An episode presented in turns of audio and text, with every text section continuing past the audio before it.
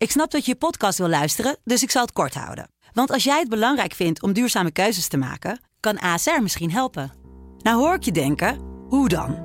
Nou, bijvoorbeeld bij het duurzaam herstellen van schade. Of de premies die we beleggen volgens ons duurzaam beleggingsbeleid. Dat bepaalt waar we wel en juist niet in investeren. Wil je meer weten over welke duurzame keuzes ASR maakt? Ga dan naar asr.nl/slash duurzame keuzes. ASR doet het. Zo, dan kan je nu lekker naar je podcast luisteren.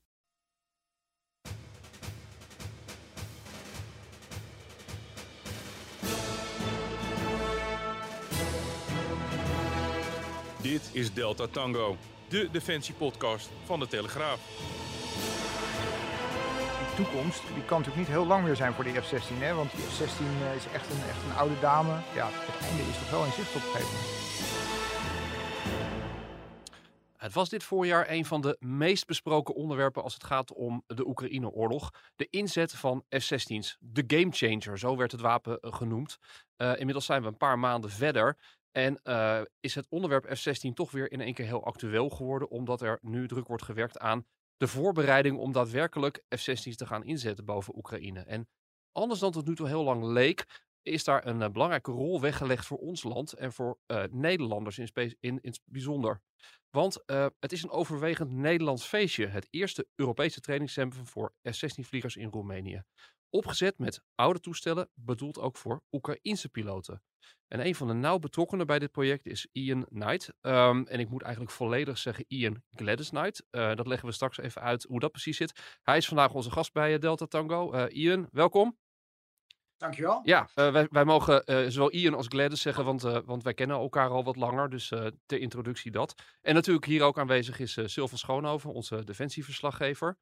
Um, om eerst nog even op, jou, op jouw titulatuur uh, in te gaan. Uh, Gladys wil zeggen voor, uh, voor iedereen die een beetje in de, in de militaire luchtvaart ingevoerd is, dat je een, een militaire achtergrond bent, hebt. Je bent voormalig jachtvlieger. Ja. Voormalig F-16-vlieger onder andere. Dus jij was begin deze week volgens mij ook in Roemenië bij, bij de opening van dat trainingscentrum. Daar ben ik toch benieuwd. Gaat het dan kriebelen bij jou? Nou, nee. Zeg maar zo, zo van mis je het vliegen uh, of zoiets dergelijks? Of gewoon algemeen kriebelen? Nou ja, ik, ik kan me toch voorstellen. Hè? Ik, ik, las het verhaal van Sylvan, wat hij erover geschreven heeft voor de krant. Uh, ja, hij, hij omschreef dat, uh, zoals het hem gebruikelijk is, heel, heel, heel beeldend. bulderende motoren, vliegtuigen die laag overkomen zetten. Ja, dan, dan moet er toch misschien wel iets wel dat je, als je al die jaren gevlogen hebt, dat, dat doet iets met je, of niet? Ja, nou, kijk, het doet natuurlijk wel iets met me. vooral omdat het ehm, omdat we met heel veel mensen heel hard aan gewerkt hebben om dat op poten te zetten. En het is uh, negen maanden geleden eigenlijk begonnen um, met min of meer alleen een idee. En dan om te zien dat uh, er nou kidding echt vliegtuigen staan daar die uh, Roemeense F-16-piloten gaan opleiden en later ook Oekraïense vliegers. Ja, dat, dat veroorzaakt zeker enthousiasme en dat vind ik schitterend. Als je nou vraagt aan me van oké, krijg je dan meteen zin om ook weer F-16 te gaan vliegen of 35? Dat, dat niet. Ik heb 25 jaar lang F-16 en F-35 mogen vliegen. En bewust de keuze gemaakt om, um, om op een gegeven moment iets anders te gaan doen. En um, daar heb ik heel veel vrede mee. Dus, dus, uh, dus dat laatste niet. Maar ik ben wel heel erg trots om te zien uh, wat het team daar uh, op de mat aan het leggen is. Ja, want even, even, even voor duidelijkheid, uh, ter duiding van, van jouw rol. Je bent inderdaad voormalig jachtvlieger. Jouw laatste rol binnen, binnen de luchtmacht was squadroncommandant in, in Leeuwarden van het eerste operationele F-35 squadron. En je bent tegenwoordig ben je betrokken vanuit, vanuit Ilias, een, een softwarehuis wat specifiek logistieke software maakt voor dezelfde luchtmacht. Hè? Ja. ja, dus wij hebben wereldwijd ehm, heel veel uh, klanten die uh, onze software gebruiken om vliegtuigen te onderhouden en de logistiek die daarmee uh, betrokken is. Um, en we zijn ook wat dat betreft hoofdleverancier voor, voor Lockheed Martin, die natuurlijk wereldwijd F-16's en C-130's verkoopt. Um, ja, zo, zodoende zijn we ook bij dit project ehm, betrokken geraakt. want ja, ook daar moeten natuurlijk vliegtuigen onderhouden worden. En dat doen ze met onze software. Dus, dus ja, dat doe ik sinds een jaar of drie. Ik ben ook nog steeds reservist bij de Koninklijke Luchtmacht, maar ik moet daar helaas mee stoppen. Want dat, um, ja, daar wordt het gewoon te druk voor en ik heb niet genoeg tijd om dat uh, vol te houden. Maar ja, inderdaad, en met heel veel plezier, 25 jaar lang uh, voor de luchtmacht gewerkt. En, uh, en wat dat betreft ben ik ook heel blij dat ik er op deze manier bij betrokken kan blijven. Ja, Sylvan, leg het nog even uit, hè? Want Ian legt het uit van, maar jij bent daar geweest. wat is dat? hoe ziet het er? En hoeveel, hoeveel partijen zijn er ook bij betrokken daar? Nou, je, je zit daar op een, uh, op een luchtmachtbasis. En op die luchtmachtbasis is een, uh, is een, is, een vierkant afgezet uh, met, met prikkeldraad. En daar staan een x aantal witte containers. Ja. met een grote vlag daarop van hier bevindt zich het, het, het F-16 trainingscentrum. Dus er valt weinig aan te zien in die, in die hokjes. Daar gebeurt het natuurlijk. Hè. Daar, daar, daar zijn de theorielessen, kan ik me zo voorstellen. en voor de baan staan opgesteld een hele uh, rij F-16's. Daar gingen er ook twee van de lucht in uh, op het moment dat wij daar waren. Met alle hoogwaardigheidsbekleders. Die kwamen kijken natuurlijk hoe die een soort luchtshow uitvoerde vlak voor de, voor de hangars. Een spectaculair gezicht altijd. Hè. Er werden echt flinke, flinke hoeveelheid geest getrokken door de, door de oude toestellen. Dus da daar waren ze blijkbaar nog goed toe, toe, in staat, ondanks hun gevorderde leeftijd. Dus dat is een beetje de setting daar. Uh, en uh, je zit natuurlijk uh, op, een, op een plek heel dicht bij de Zwarte Zee, heel dicht bij de grens met Oekraïne. Dus je, je bent daar vlakbij waar ze misschien, ja, wie zal het zeggen, ooit inderdaad worden ingezet. En, en die, die vluchten, werden die gemaakt ook door, door voormalige Nederlandse jachtvliegers? Of wie zaten er achter de, achter de knuppel daar? Dat waren, voor zover ik hoorde, waren dat, ehm, waren dat Roemeense vliegers. Uh, met, ik geloof, Poolse F-16's, als ik het goed heb begrepen. Dus daar, daar waren geen Nederlanders dan bij betrokken. Het was echt eventjes om te laten zien van, oké, dit is de F-16. Uh, zo ziet het eruit als hij op, uh, op 100 meter van je langs vliegt met de nabranders aan. Dus de conversie is al wel, loopt al wel van die Roemeense vliegers? Ja, ja dus, ik moet, ik, dus, dus volgens mij zijn het gewoon Roemeense F-16's. Roemenië heeft 17 Portugese F-16's gekocht een aantal jaar geleden. Uh, dus, dus ze hebben zelf 17 van die vliegtuigen al. Alleen ja, ze hebben gewoon niet de capaciteit om, om, om, om mensen op te leiden. Uh, dus wij gaan daarmee helpen. En ze krijgen ook uh, in de loop van 2024 komen daar nog 32 Noorse F-16's bij. Oké. Okay, dus ja. uiteindelijk zullen de Roemenen ongeveer 49 F-16's hebben. Uh, maar ja, wat ik al zei, de, de opleidingen zijn gewoon een, een, groot, groot probleem. En, dat is waar dat trainingcenter mee gaat uithelpen. En, en is dat uh, voor jou, als je daar rondloopt, uh, een, een soort feest van herkenning dat je allemaal oud-collega's ziet rondlopen? Ehm, ja, natuurlijk. Ik, ik, ik heb daar, er zitten Nederlandse oud-vliegers die daar rondlopen. Ik, er was natuurlijk de, de, de leidinggevende van het trainingcenter is, is Bill Thomas. Dat is een oud Amerikaanse, een oud USAF-vlieger die ook nog een exchange tour gedaan heeft bij, uh, op Leeuwarden. Dus die kennen we heel erg goed. Uh, heeft ook veel gedaan voor de Nederlandse luchtmacht in het verleden. Ja, en Ten ik, tijde van, uh, van de Kosovo-crisis, geloof ik ook, hè? heeft hij voor ons gevlogen. Ja. Ja, ja, hij heeft ook een hoge Nederlandse onderscheiding gekregen voor zijn werk um, in die oorlog.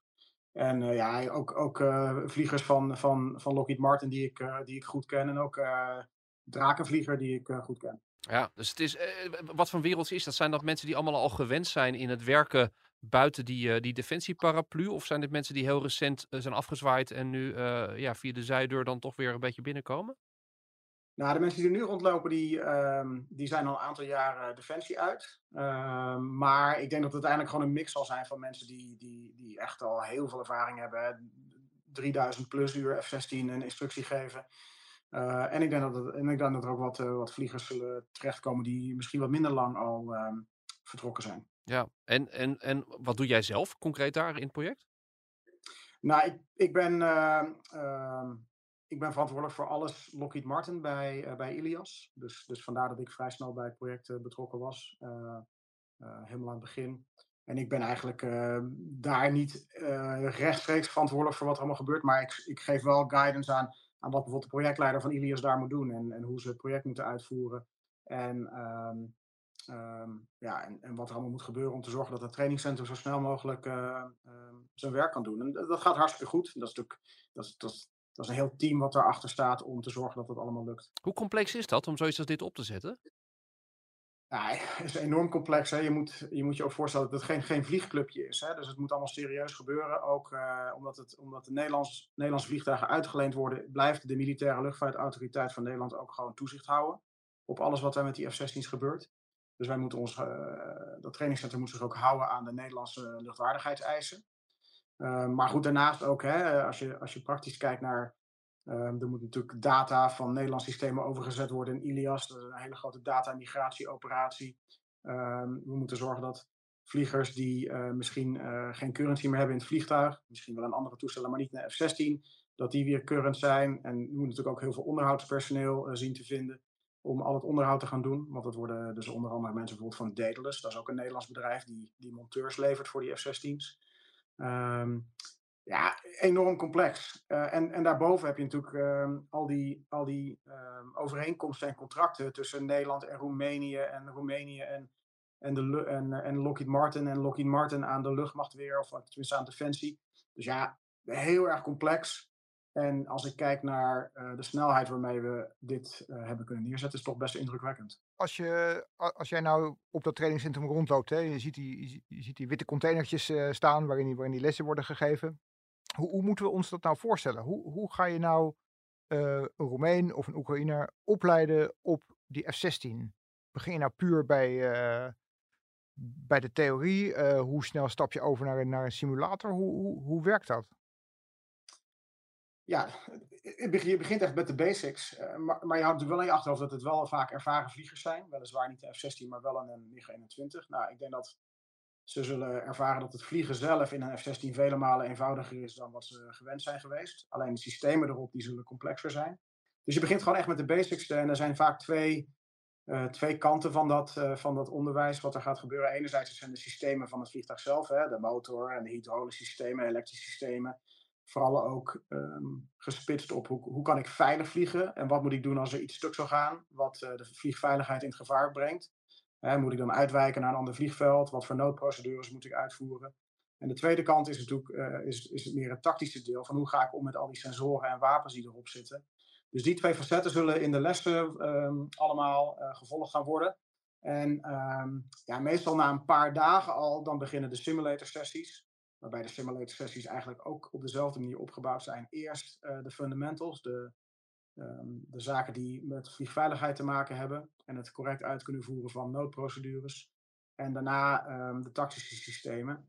En uiteindelijk volgt er dan de eerste vlucht, waarbij, um, waarbij de initieel een instructeur in de backseat zal meevliegen van de twee zitters. En, waar, waarschijnlijk na een vlucht of drie, vier, vijf, uh, dan gaat uh, de student ook echt solo in een eenzitter. Dus um, ja, en hoeveel tijd gaat er overheen? Meestal een maand of twee, drie, denk ik, uh, voor die eerste echte solo-vlucht. Uh, maar goed, in, in de grand scheme of things is het natuurlijk niet heel veel tijd. Is, is dat dan vergelijkbaar met hoe, uh, hoe de training was tot vrij recent voor Nederlandse studenten die naar Tucson gingen om, om F-16 te leren vliegen? Ja, is bijna letterlijk kopie. Uh, Oké. Okay. Ja. Hey, ja, dat, ja. dat zijn dan de vliegers. Uh, gaat Nederland ook actief zijn bij het, uh, het opleiden van de rest van de keten? Dus monteurs en, en, en natuurlijk ook een wezenlijk punt, de samenwerking tussen, tussen dat vliegtuig in de lucht en de grondtroepen die communiceren en op een gegeven moment vuur afvragen. Is, is, is daar ook een rol voor Nederland weggelegd? Nou, ik weet niet exact hoe de rollen verdeeld zijn. Um, want dat is waar, de, waar, um, waar landen zoals Nederland, België, Denemarken, um, Verenigd Koninkrijk, Noorwegen heel druk mee zijn. Zoals ik het nu begrijp, maar, maar kan het verkeerd hebben, is dat uh, België een grote rol gaat spelen in, in de logistieke keten. Ook omdat België natuurlijk daar heel veel ervaring mee heeft, net zoals Nederland. Maar goed, dat is, die, die kunnen nog even geen vliegtuigen leveren, omdat hun transitie naar de F-35 iets later komt. Dus dat gaat hun aandeel zijn. En ik had begrepen dat in Denemarken ook um, um, wel onderhoudspersoneel opgeleid gaat worden om uh, de F-16's ook te onderhouden. Het was natuurlijk een bijzonder moment om daar te zijn. Hè? Het was een, ja, wij komen natuurlijk wel vaker op uh, luchtmachtbasis, waar je ziet hoe, hoe ja, de luchtmacht deze toestellen vliegt. Maar dit, dit was natuurlijk vooral een, een commercieel centrum, hè, opgezet door, door bedrijven. Lockheed Martin is de, is de partij die de trainingen verzorgt. En dus ja, eigenlijk, eigenlijk is, het een, is het een wat on, ongebruikelijke setting. Er werd ook wat, wat, ja. wat geheimzinnig over gedaan. Hè. De, de, de vliegers die daar waren, die zeiden van ja, nee, het is toch vooral een Roemeense op, opleidingscentrum. Het is, uh, die Oekraïners moeten we allemaal nog maar zien. Toen kwam vervolgens onze eigen minister uh, Kasia Olongren en die was er heel duidelijk over dat dit centrum een enorm belangrijke rol gaat spelen voor het opleiden van de Oekraïnse vliegers. En dat dat ja. echt een groot verschil gaat betekenen in, uh, ja, in de oorlog. Ja, en, en, dat, en dat is natuurlijk ook gewoon zo. Kijk, ik denk wel dat het, is het, het, het, trainingscentrum wordt geleid door Lockheed Martin. Dus, dus die voert daadwerkelijk de, opleidingen uit. Uh, dat doen ze met dan de, vliegtuigen die Nederland heeft uitgeleend aan het trainingscentrum. Ehm, Lockheed Martin zit er natuurlijk vrij rechtlijnig in. Hè. Ze hebben een contract om Roemenen op te leiden. Iedereen weet natuurlijk dat daar vanzelf ook de Oekraïense uh, vliegers uiteindelijk bij terechtkomen. Maar voor, voor Lockheed Martin, die, die zit er vrij uh, zwart-wit in. Dus die hebben nu een contract om Roemenen op te leiden. En, en dat vervolgcontract dat komt uh, denk ik best snel. Ja, zij, um, zij bracht ook een, ook een persbericht uit en daar, kwam, daar ging het echt uitsluitend over die Roemeense vliegers. En daar kwam het woord Oekraïne niet eens in voor. En dat, dat was wel een beetje van, oké, okay, is het nou, ligt het nou zo gevoelig nog of zo? Of willen ze dat, is dat een soort nou hete aardappel die ze niet... Met... Nou, het is niet een hete aardappel. Het is, het is gewoon, ze zitten er vrij procedureel in. Right? Wat ik al zei, ze hebben een contract voor, uh, voor opleiden van Roemenen. En voor de rest, als een groot commercieel bedrijf, die probeert natuurlijk zichzelf niet, uh, probeert niet verwikkeld te raken in heel veel politieke statements en dat soort zaken allemaal meer. Dus, dus ik denk dat zij um, um, zij daar nog even mee wachten totdat er echt duidelijkheid is over hoe, wat, wanneer uh, de Oekraïnse vliegers aan zullen sluiten. Ja. Want ja, iedereen weet natuurlijk dat dat zo zal zijn. Kijk, het trainingscentrum is ook in oorsprong een, ja, een maand of negen à tien zeg maar, begonnen vanuit een vraag vanuit Roemenië hè, om, ja. om, uh, om uit te helpen met het trainen van hun vliegers, omdat ze zagen dat ze daar zelf niet toe in staat waren. En wat je ziet in de wereld nu is dat Um, ja, eigenlijk uh, alle luchtmachten, alle militaire organisaties hebben de grootste moeite om genoeg personeel te vinden. Dus ook, dus ook Nederland. Dus toen die vraag kwam, toen, ja, toen kon Nederland wel misschien helpen met materiaal, maar niet met mensen bijvoorbeeld. En ook de opleidingen in de Verenigde Staten, die zijn natuurlijk allemaal aan het sluiten, omdat daar uh, en wordt overgestapt op de F-35. Dus ja, ook daar is eigenlijk geen capaciteit. Dus hoe los je dat dan op? En ik denk dat dit een unieke samenwerking is tussen, tussen de, de Nederlandse overheid, de Roemeense overheid en dan een, commerciële partij zoals Lockheed Martin, die dan um, ja, een partnership aangaat met, uh, met nog anderen zoals, uh, zoals Ilias en, en Airbus en Draken bijvoorbeeld. Wij, wij hadden het daar ook eventjes ter plekke over, over een veiligheidsissue. Hè? Omdat, juist omdat dit een, een gebeuren is vanuit het bedrijfsleven en niet vanuit de luchtmacht, vanuit Defensie, uh, is, is, er bij veel, deel, veel deelnemers uh, aan dit project, is er toch ook een, een beetje het gevoel van ja, wie, wie, staat voor ons in op het moment dat het even spannend wordt? Hè? We kennen uit het verleden natuurlijk gevallen van uh, thui, ja, vliegers waarvan het thuisfront werd gebeld door mannen met een Russisch accent. Hè, die werden eigenlijk een beetje geïntimideerd. Zo van, we, weten, we weten wat je doet, we weten waar, je, waar je huis woont, om het zo maar te zeggen. Ja. dat, dat was ook hier wel even een beetje een issue. Hè? Hoe kijk jij er tegenaan? Ja, ik, ik denk dat. Ik weet niet of ze zich daar nou terecht zorgen over maken. Uh, kijk, wij zelf als Ilias zijn, zijn daar nu een aantal maanden aan het werken en zullen op een gegeven moment vertrekken als alles netjes opgezet staat en het trainingscentrum kan zelfstandig uh, aan de slag. Maar, maar de instructeurs en het onderhoudspersoneel die zijn daar natuurlijk permanent. En ik snap wel dat ehm, die, er, die ervoor zullen zorgen dat, dat het risico wat zij lopen zo klein mogelijk is. Dus ja, vandaar dat ze niet zo vrijwillig uh, uh, met naam en toename in de kranten of in artikelen zullen willen staan. Um, ik denk wel natuurlijk dat de Roemeense overheid zal zorgen dat, uh, dat ze veilig kunnen werken daar. Ja, want, want wat is daadwerkelijk het risico wat je loopt? Hè? Want het is, het is natuurlijk vervelend als je een telefoontje thuis krijgt, maar bedoel, wat is het echte gevaar wij spreken? Nou ja, je zit natuurlijk heel dichtbij ehm, de, de Zwarte Zee en de Oekraïnse grens daar. Dus, dus wat dat betreft uh, zit je wel vlakbij um, waar natuurlijk gewoon oorlog gevoerd wordt. En als je ook kijkt naar, um, naar de Nederlandse um, blik op het ondersteunen van Oekraïne, dan zijn er eigenlijk drie niveaus. Eén is rechtstreekse steun, zoals inderdaad uh, Patriot en bewapening sturen die kant op. Twee is, uh, is, is indirecte steun, dus bijvoorbeeld zorgen dat Slowakije MiG-29's kon, kon geven aan Oekraïne en, en dan zelf die capaciteit weer, weer aanvullen. En, en het derde niveau is, is eigenlijk gewoon de, de oostflank van de NAVO verstevigen. Ja, dan zit je met dit trainingscentrum toch best wel dichtbij directe steun aan Oekraïne. En ja, hoe dat dan opgevat wordt door bijvoorbeeld Rusland, ja, dat, dat is dan altijd maar weer de vraag. En dat is even, even zoeken. En ik denk dat daar um, misschien geen zorgen over zijn, maar iedereen is zich wel bewust van, van het werk dat ze daar aan het uitvoeren zijn. Een soort better safe than sorry attitude, zullen we zeggen. Ja, ja.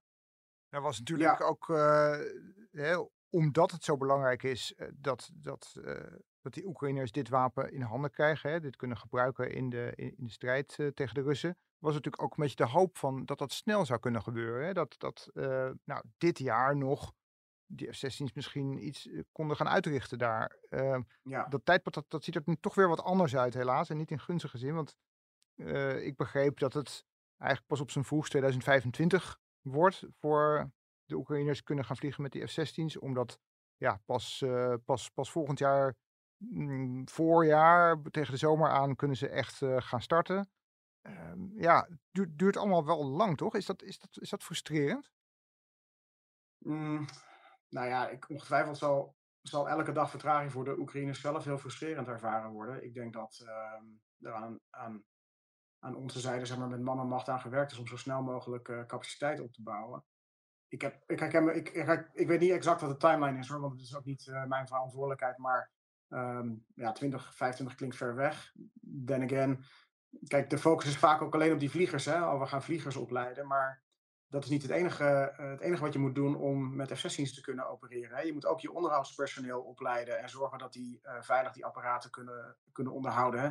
Heel veel Russische vliegtuigen die zijn eigenlijk ontworpen om na een x aantal uren gewoon weggegooid te worden. En dat, ehm, dat, dat kan je met een F-16 natuurlijk niet doen. Dat is gewoon fysiek een, een andere manier van onderhoud. Dus die, dat onderhoudspersoneel moet dan opgeleid worden. En je moet ook je hele logistieke keten inrichten. Dus, dus waar ik denk dat het opleiden van vliegers uh, natuurlijk moet gebeuren. En, en daar is het trainingscenter uh, nu uh, perfect toe in staat.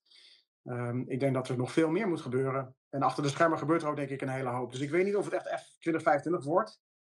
maar um, het idee natuurlijk dat, dat je dit in een maand of drie wel uit de grond stamt, dat is, dat is niet de realiteit. Daar komt zoveel bij kijken om dat te doen. Maar dat was natuurlijk ook al inderdaad in die zin, toen die politieke discussie volle speelde, ook al de waarschuwing van veel mensen die er verstand van hebben. Die zeiden ook toen van joh, uh, simplificeer het niet, want, want hier zit veel meer aan vast dan alleen maar inderdaad die vliegers uh, uh, omscholen van MIG op, op F-16. Je, je, hebt het over een veel grotere operatie. ja, dus, dus die zin komt niet echt als een verrassing, denk ik.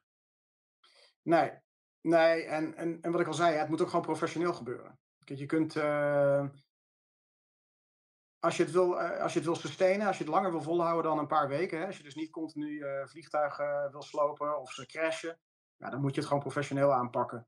Uh, en, en als je dat niet doet, dan, uh, dan ben je uiteindelijk Oekraïne ook niet aan het helpen.